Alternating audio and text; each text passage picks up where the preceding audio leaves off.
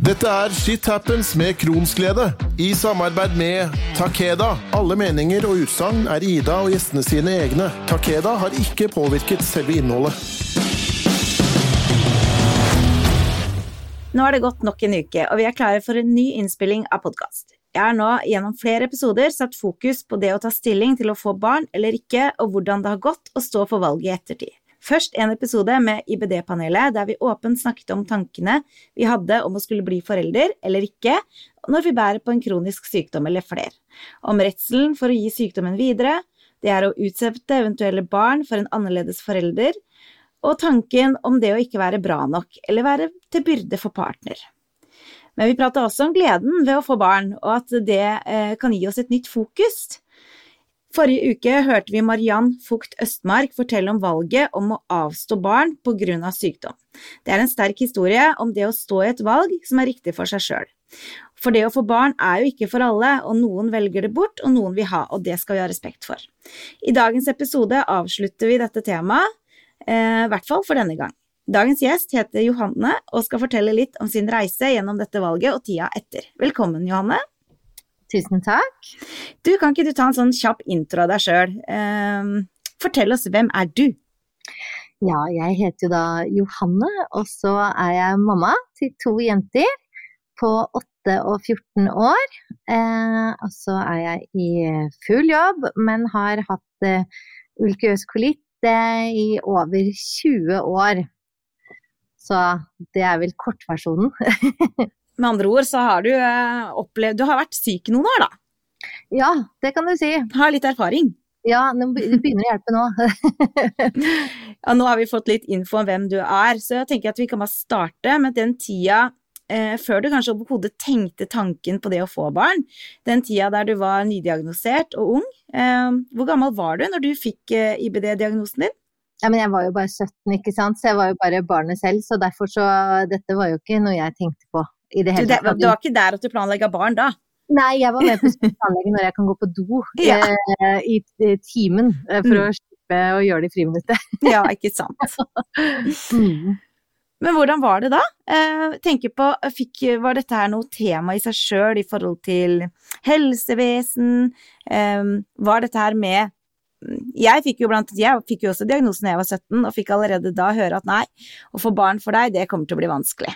Da var jeg 17 år. Mm. Fikk du høre noe sånt? Ingenting. Altså Nei. absolutt ingenting. Det var eh, virkelig ikke tema i det hele tatt. Så, eh, og for 20 år siden det var jo knapt eh, noe snakk om kosthold eh, eller noe som helst. Så det var jo faktisk ikke før jeg ble gravid at, eh, at jeg fikk en prat eh, med gastro hvor de sa ganske kort at noen blir kjempefriske av å være gravid, og andre blir kjempedårlig.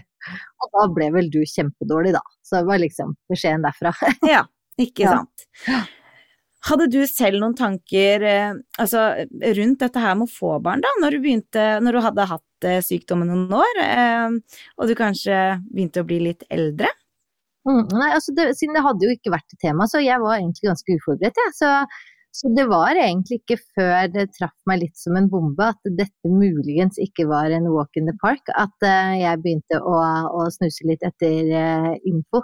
Jeg hadde virkelig ikke eh, noe input på det i det hele tatt. Så ikke for meg at det skulle være noe problem. Så det kan man kanskje naiv, men jeg hadde ikke fått noe beskjed om det heller. Og så, når man får det så ungt, ikke sant, så er det andre ting. Det er ungdomstida tilpasse seg skole og så nei. Og så er jeg jo eh, Fikk jo barn ganske tidlig, altså i hvert fall i forhold til mange av mine venner. Så det var jo eh, var jo bare 25, ikke sant. Så nei, det gikk rett fra sånn ungdomstid og over i det der, så det var ikke et tema. Det burde kanskje vært. jeg mener at allerede idet vi får en kronisk sykdom, da, så tenker jeg at vi eh, burde fått litt grundig informasjon om eh, hva vi hvilke ting vi kan komme opp i. Jeg tenker på dette med arvelighet. For mm. har man eh, dette med å ta et valg på om man skal bli foreldre eller ikke, så bør vi ha relevant info. Eh, og dette med arvelighet er jo en stor greie. Man må stå i det uavhengig om eh, barna våre blir syke eller ikke. Eh, og da er jo den informasjonen, da, om å få mm. vite at dette er faktisk en eh, mulighet, veldig kjekk. Ja, altså jeg visste jo veldig godt at det var arvelig fordi jeg har jo arvet det selv. Eh, og, men eh, jeg har jo aldri sett det som et nederlag å arve det. Jeg vil jo mye heller leve sånn her enn å ikke være til. Eh, og så har jo det bare vært en del av hverdagen. Så, men jeg er helt enig med deg. Eh, og jeg føler jo egentlig at jeg hele veien har erfart, og så har jeg fortalt til til legen min, da, f.eks. hva jeg står i. Og først da så får jeg litt sånn Ja ja, ja men det, det, stemmer nok. Det har nok en sammenheng. Så jeg kommer alltid i forkant eh, med et problem. Eh, og jeg tenker jo at det har jo vært, blitt mye gjetting, mye tilfeldig informasjon. Eh, og da selvfølgelig også mye unødvendig uro, da. Jeg blir mye redd uten grunn, kanskje. At eh, nei, dette er fordi du har ulkøs kolitt, ikke fordi at du har kreft i tredje grad opphøyd i hjernebarken, som man kanskje kan tenke seg da, innimellom. ja. Du blir jo gravid etter hvert, Johanne, når du var 25, var det du sa. Ehm, kan du ikke fortelle litt om den reisa der? Eh, kom det noen overraskelser underveis? Ja. altså umiddelbart så ble jeg jo kjempedårlig. Eh, virkelig. Eh, og først så var det jo vanlig kvalme, eh, så jeg trodde egentlig at det var det, men jeg ble veldig dårlig. Fikk jo mye blødninger og veldig forstoppet, så jeg måtte jo legge om kostholdet 110% så jeg gikk jo da på en sånn knivsegg av eh, å ha nok næring i kroppen. Eh, og, så jeg ble, jeg ble jo, uh, var jo ute inn til ultralyd og gastro hele tida. Um, og så fikk jeg da beskjed, da, uh, dette er første, første, gangen, da, så fikk jeg beskjed om å medisinere meg opp når vi nærma oss fødsel. At det kunne gå ganske dårlig med å være i skikkelig oppbluss uh, i fødsel, da. Så det gjorde jeg jo når vi nærma oss litt, og da, og da, hadde jeg jo en veldig kjip opplevelse med at babyen slutta å vokse i magen en to-tre ukers periode. Og da var jeg jo samtidig hos gastro og ultralyd på eh, Ahus. Så jeg hadde gjort det først da, den første dagen da jeg fikk beskjed om å medisinere opp, og målt babyen og alt, og så ned på gastro. Og så kom jeg tilbake to-tre uker etterpå. Da hadde jeg tatt medisinen helt rigid, og jordmødrene skjønte ingenting. Og de kom inn to-tre stykker, og ut igjen og inn igjen, og målte og målte og målte. og målte. Så, og jeg hadde også med mammaen min, og vi var veldig overbevist om at de så noe som ikke var greit. Og så kom jeg ned på Gastor etterpå og fortalte om opplevelsen, eh, hvor det, bare ble kimsa bort. At nei, det stemmer ikke. Medisinene har ikke den effekten. Eh, men eh, da stolte jeg jo og mente bestemt at de måtte ha målt feil, da. Så, men det var ikke jeg overbevist om, for jeg hadde jo vært der. Så jeg så at de gjorde den jobben ganske grundig. Så jeg slutta jo da å medisinere meg. Eh, så jeg gikk jo da eh, videre på litt salat og kylling eh, til jeg var ferdig med det. Og i etterkant så var jeg hos spesialisten til min far, som har Crohns. En sånn gammel ringrev av en doktor. Og fortalte om dette her. Og da sa jo han faktisk at det trodde han at godt kunne ha med medisinene å gjøre, for de medisinene de var ikke testet på gravide. Nei, så, for det gjør man ikke, ja. ikke sant. Vi tester Nei. jo ikke disse på oss eh, gravide, så jeg tenker man skal være mm. ganske forsiktig da, med å mm. uttale seg så basant bastant om ting.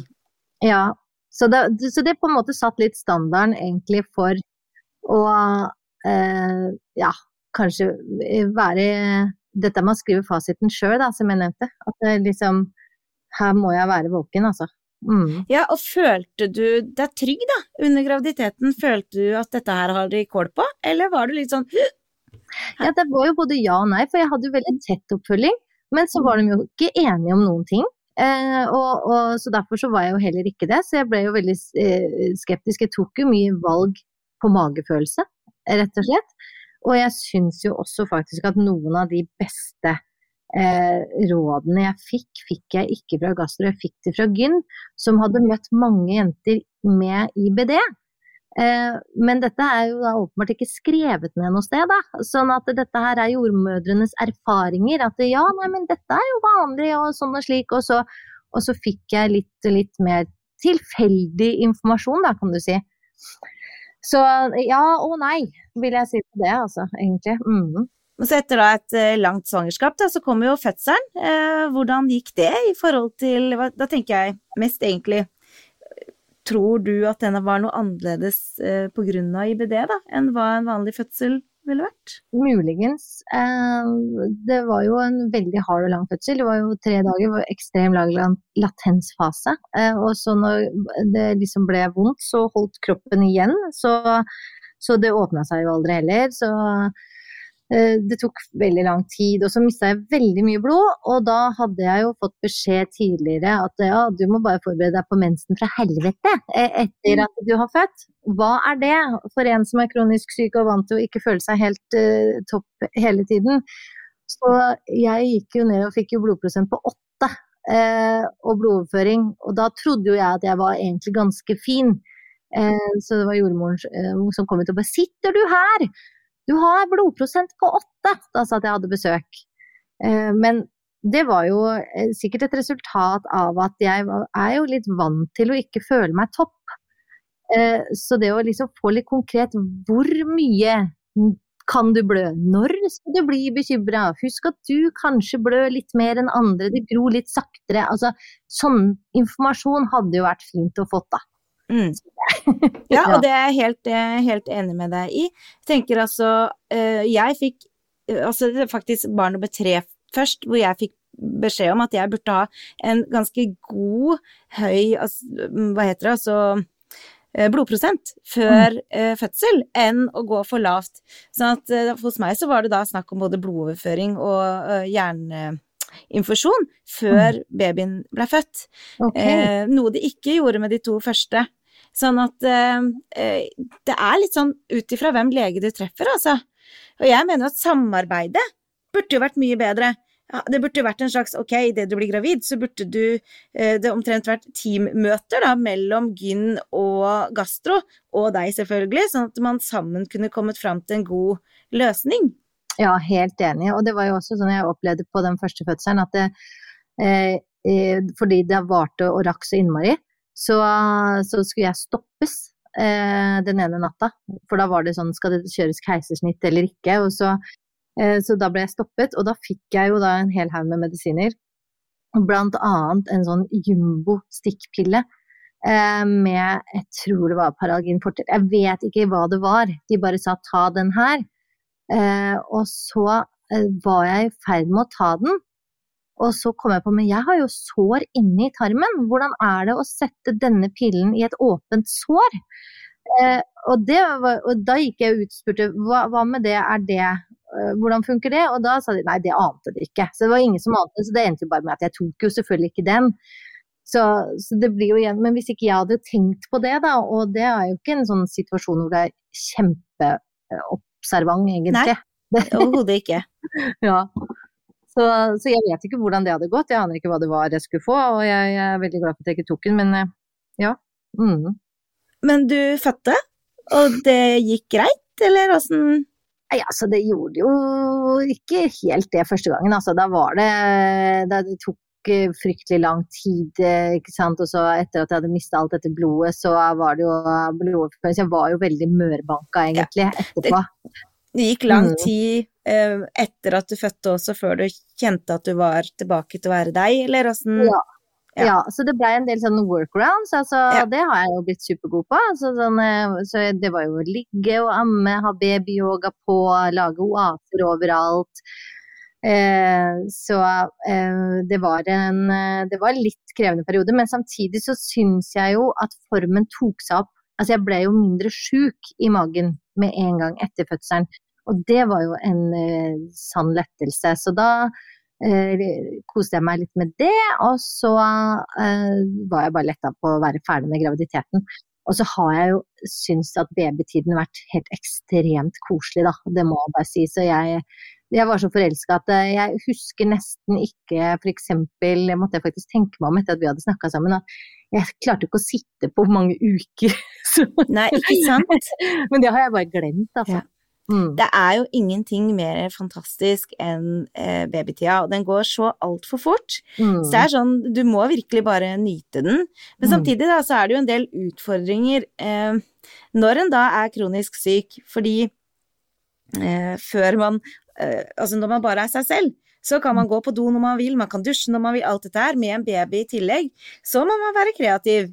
Jeg ja. laga meg eh, Altså, jeg hadde tepper og alt sånt liggende inn på do, sånn at babyen ja. kunne bare være med meg. Det ble ganske løsningsorientert, da. Ja, jeg vet, men hvordan i alle rom. Ja, ja. men hvordan var den overgangen fra, for deg, da, fra å være eh, bare deg til å plutselig ha en baby å ta vare på, i tillegg til sykdommen, når den virkelig sa 'her er jeg'?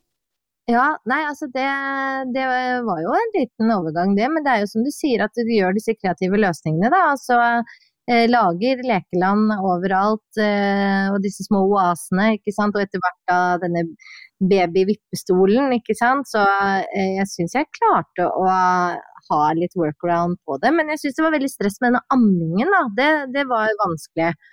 Eh, og det var jo fordi at jeg blei så sår av å amme, og så begynte det å blø og fikk skorper, og så er det jo da trikset da at da skal du gi det en dags pause, og så kan du bytte. Men det funka jo ikke for meg, eh, og der også igjen så var det jo en helt sånn tilfeldig var vel en fysioterapeut som hadde da hatt mange inne med UC eller IBD, som kunne si det at dette var et kjent problem for nybakte mammaer.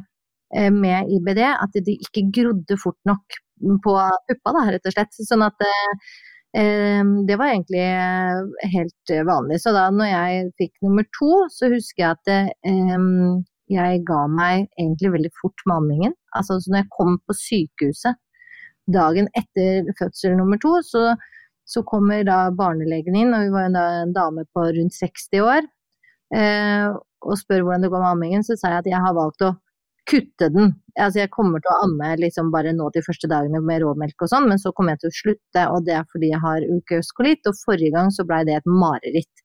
Um, og da snur hun seg og sier jeg, ja, men du vet hva, man kan få kjøpt så mye fint på butikken, og dette er helt vanlig for jenter med IBD. Så det støtter jeg deg 100 i. Gjør det og kos deg med babyen din. Og, så altså, fantastisk! engel som ja. sa Fy søren. Men hun også visste det. Men jeg visste ikke det. Altså det jeg, hvorfor visste ikke jeg det? Ikke sant? Istedenfor å gå rundt da i månedsvis med dårlig samvittighet og, og, vondt, og at du gruer deg til ammingen som skal være koselig, syns jeg var skikkelig synd at jeg ikke visste. Men igjen, så fint da eh, den andre runden, så var jo det virkelig kjempefint. Mm. Ja, for du valgte jo å få et barn til, og da mm. er jeg jo, tenker jeg sånn eh, Vi vet jo at uavhengig om du er syk eller ikke, så er ingen graviditeter eller fødsler eller barn like. Mm. Eh, men eh, selv så har jeg hatt ett eh, en graviditet som var helt fantastisk. Altså, jeg var frisk. Og så har jeg hatt tre graviditeter som ikke vi trenger å snakke så høyt om. Men hvordan var det med deg? Altså, hvordan har ja. dine to vært? Altså nummer to, da. Da var jo jeg forberedt. Fasiten var begynt å bli litt tjukkere. Eh, så da gikk jeg inn eh, og var eh, supersjef. Tok styringa fra første sekund. Um, og da blei jeg jo tatt veldig mye mer på alvor også, så jeg fikk jo prioritet, kom inn på Rikshospitalet. Um, jeg snudde kosten med én en eneste gang. Og jeg la en plan med legen, med fastlegen, fikk vitaminer med en eneste gang. De rette, sterke vitaminene som er godt for oss, og ikke nødvendigvis alle, kanskje. Og så vi, lagde vi en plan på å bli satt i gang, ikke sant. Sånn at jeg visste dette her, så jeg slapp uromomenter, og spesielt da med at jeg hadde en ei lita jente fra før av, ikke sant. Så jeg begynte å bli sånn urolig. Hva hvis det skjer på natten, ikke sant alle de stresstingene som kan gjøre og forverre sykdommen. Da. Så jeg fikk en skikkelig plan. Um, og når jeg da kommer der, så, så fikk jeg jo eh, hjelp, siden jeg var satt i gang til en raskere latensfase.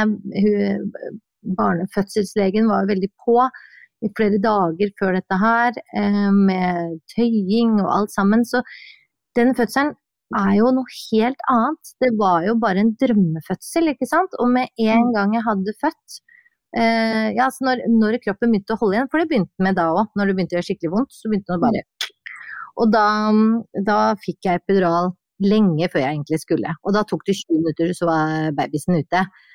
Og, da, mm, og rett etterpå så fikk jeg blødningsstoppene. Så det skrev de da i journalen, så at jeg var ikke redd for å blø i hjel. det hjelper jo. det virker jo som du virkelig gjorde alt rett, ikke sant, med nummer to. Og sånn er det jo noen ganger, at uh, vi må gjennom litt dårlige erfaringer da, for å eh, få en bedre eh, opplevelse. Men jeg tenker her er det jo veldig mange ting som er viktig å ta for seg. Både dette her med, som du sier, eh, hvor mye mindre stress eh, og negative tanker det blir hvis man vet hva som skal skje.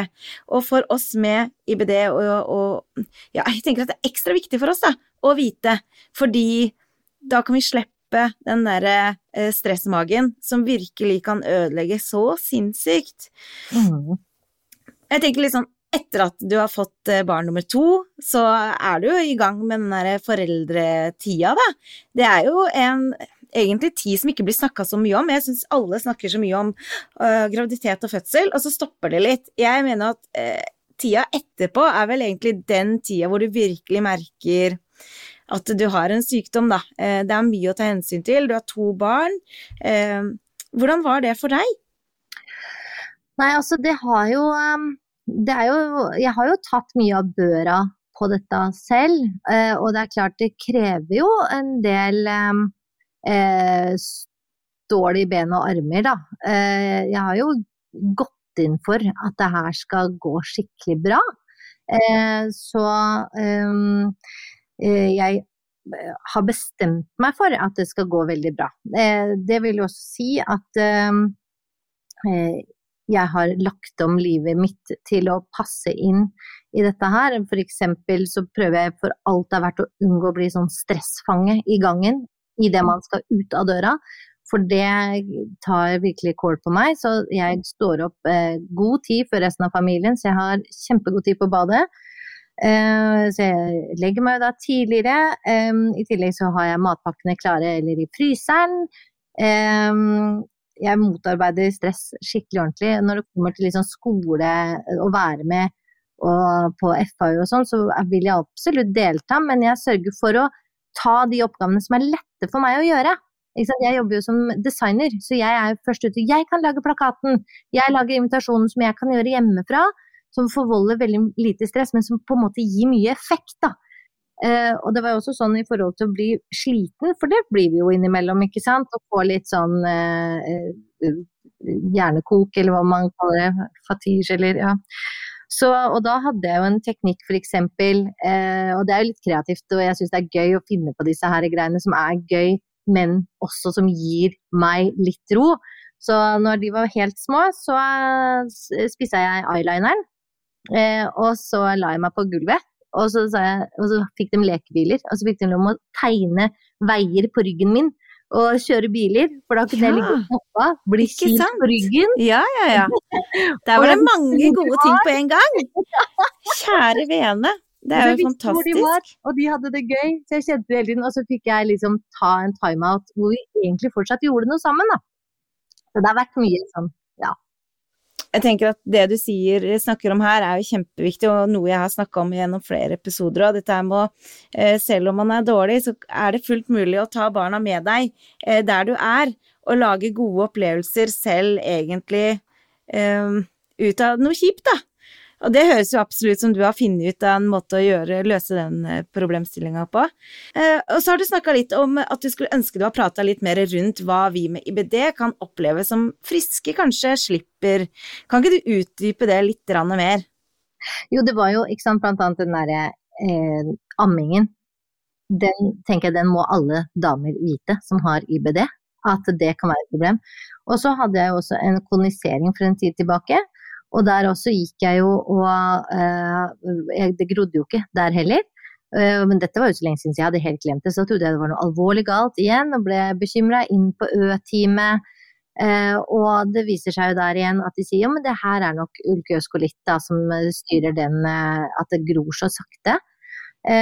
og der kunne jeg jo sluppet mye uro. Um, og så er det jo disse her andre begrensningene, ikke sant. At vi har dette stresset som forplanter seg.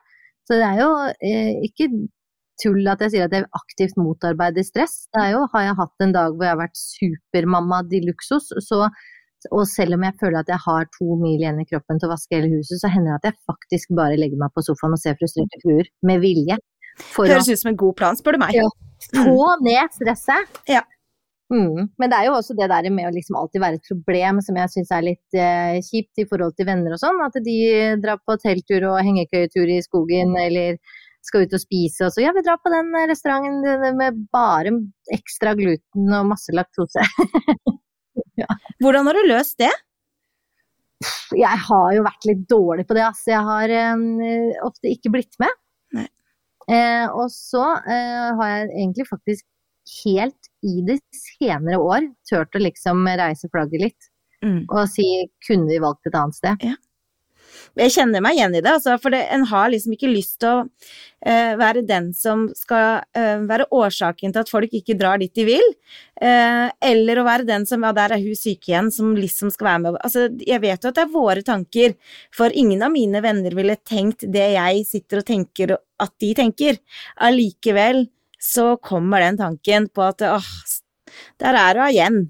Nok en gang må vi ta hensyn til henne, liksom. Ja, jeg kjenner masse på det. Altså, jeg har jo ei venninne som jeg har spara litt med det her på, og, og, sagt det rett ut. Og jeg har fått egentlig litt kjeft. At hvis ikke jeg begynner å ta litt plass på de tingene der, så, så det er da hun blir irritert. Ja, ikke sant? Og det har jo vært litt greit. Så nå jeg, mm. prøver jeg liksom gå litt hardere ut og, og, og, si at det ikke går for min del. For de vil jo ha oss med, egentlig, hvis vi kunne valgt om å gå på den restauranten, da. Eller, og som da ville sagt at ja, men da kan ikke du være med, mot mot å finne en annen restaurant og at vi er med, så en god venninne ville jo hatt oss med isteden. Ja, absolutt. Mm. Eh, og det er, jo, det er, jo, egentlig bare teit. Og, og, det blir jo litt sånn at man sitter og føler seg litt sånn stakkarslig, og det hjelper jo ikke for noen ting. Så nei. Så helt klart. Så, men det er også litt sånn i forhold til å bli bedt bort. Og jeg har jo innrettet livet mitt så uh, perfekt til denne sykdommen. Jeg er en mann som lager alt, i fire forskjellige varianter. En laktosefri, en glutenfri, en med ekstra gluten. Alltid, hver eneste gang vi skal spise. For det er viktig at vi har disse hyggelige måltidene, og det setter sitt preg på alt, da. Eh, så jeg glemmer det jo. Så når vi blir bedt bort på hytta til noen, så kommer jo jeg uten eh, glutenfrie rundstykker og Å, søren, ja, jeg har ingenting å spise jeg det neste Nei. døgnet. Nei, men det blir jo en sånn Der ser man egentlig et sånt superbra eksempel, eksempel da, på hvor eh, normalt livet vårt blir. Da. Altså, dette blir jo den nye normalen, ikke sant. Dette er sånn vi lever hver dag. Så at en glemmer rett og slett bort at andre ikke har det sånn. Mm. Det, ja. Men så har jo du sagt noe snakker jo, Jeg snakker jo sammen med gjestene mine på forhånd, eh, og eh, du nevnte om noe du kaller for sykdomsangst. Jeg kjente meg veldig igjen i det, men jeg tenker at eh, fortell litt om det. Ja, Nei, altså jeg tenker jo at eh, vanlige folk virker jo som at de lever etter prinsippet at kroppen er din beste venn. Eh, og det stemmer jo ikke nødvendigvis for en kroniker, for det, det, det, dukker jo opp de rareste ting, og det er litt sånn bakholdsangrep. Nå har jeg sittet og hatt det koselig, og gud, nå ble jeg dårlig, hvorfor ble jeg det? Eh, og eh, du er liksom vant til å få en spade i bakhuet av kroppen. Eh, og da blir det også, og ettersom at det også henger sammen så mye greier, til disse IBD-sykdommene, som er litt sånn ja, kanskje du har litt bestrevs, kanskje du har litt sånn, ja, det kan være litt ditt datt. Altså du vet ikke helt er det sykdommen eller er det hjerteinfarkt, ikke sant. og da er det fort gjort, syns jeg, å tenke at det kanskje er hjerteinfarkt, da. Eh, eh, fordi du er litt vant til at det, det, kan jo skje hva som helst med denne kroppen. Så det der med å lite på livet, det, den, er ikke, den er ikke godt forankra når du hele tiden opplever at kroppen tar innersvingen på deg. Og det skaper jo litt, eh, litt angst, syns jeg. Og, og, det med i tillegg å skulle vurdere en situasjon. Hvor sjuk er jeg? Du skjønner jo at det ikke er riktig. Og ofte, i hvert fall for min del, så blir jeg sjukest på kvelden. Eh, I forbindelse med blødninger spesielt, og det er jo kanskje det som er eh, skumlest. Eh, I hvert fall i, i mitt perspektiv så er det det. Eh, og det å da skulle evaluere klokken 23.40 eh, er hvor sjuk er jeg nå? Legen har gått hjem, er dette, skal jeg ringe ambulansen? Nei, det skal jeg sikkert ikke, for det her er helt vanlig. det er en eh, veldig ensom sport å blø alene på badet om kvelden. Eh, ja, og det er det. Ja, og, og, og, det er skummelt, og det er den der balansen, det er akkurat den der med ja, skal man eh, ja, heise det røde flagget og si hjelp, eller skal vi ja. bare tenke pytt pytt, dette går seg til. Ikke sant. Det er, vanskelig, det er vanskelig, og så er det jo livet vårt det handler om, ikke sant. Mm. Så man har jo lyst til å ta det rette valget, da. Man har jo lyst til å søke hjelp man faktisk trenger hjelp, samtidig så har man overhodet ikke lyst til å være den som de snakker om, og der ringer hun igjen. Ikke sant? Man vil jo ikke det heller. Nei, ikke sant. Så det, det er jo eh, det, Jeg har jo nå lagt en plan med min nye lege, som for øvrig er kjempesuper. Uh, at uh, jeg, når skal jeg bli bekymra? Altså sånn helt dønn konkret. Da har jeg blødd ca. så mye i ca. så mange dager. Sånn og sånn og sånn. Da kan du bli bekymra. Skal jeg begynne å medisinere, meg opp?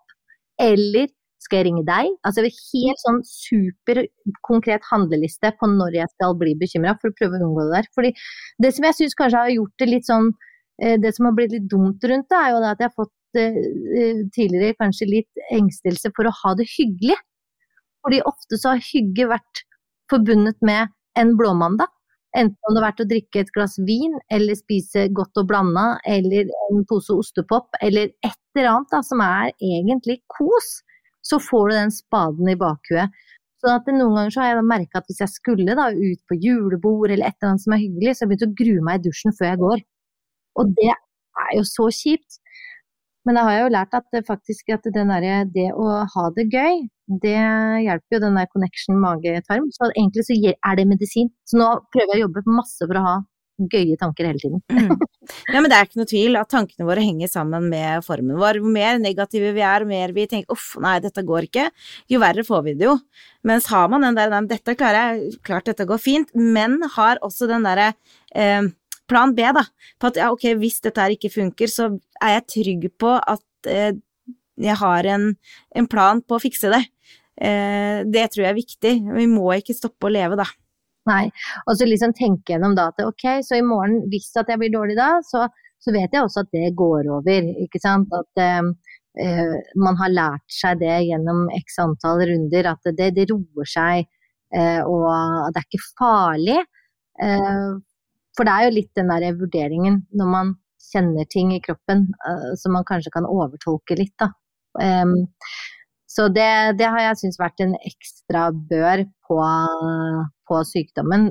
Det mentale rundt det, egentlig, syns jeg kanskje noen ganger spiller meg et større puss enn leddsmerter, f.eks. Det er jo mye mer enkelt å forholde seg til og se litt, gå litt skeivt en dag. mm. Ja, ja.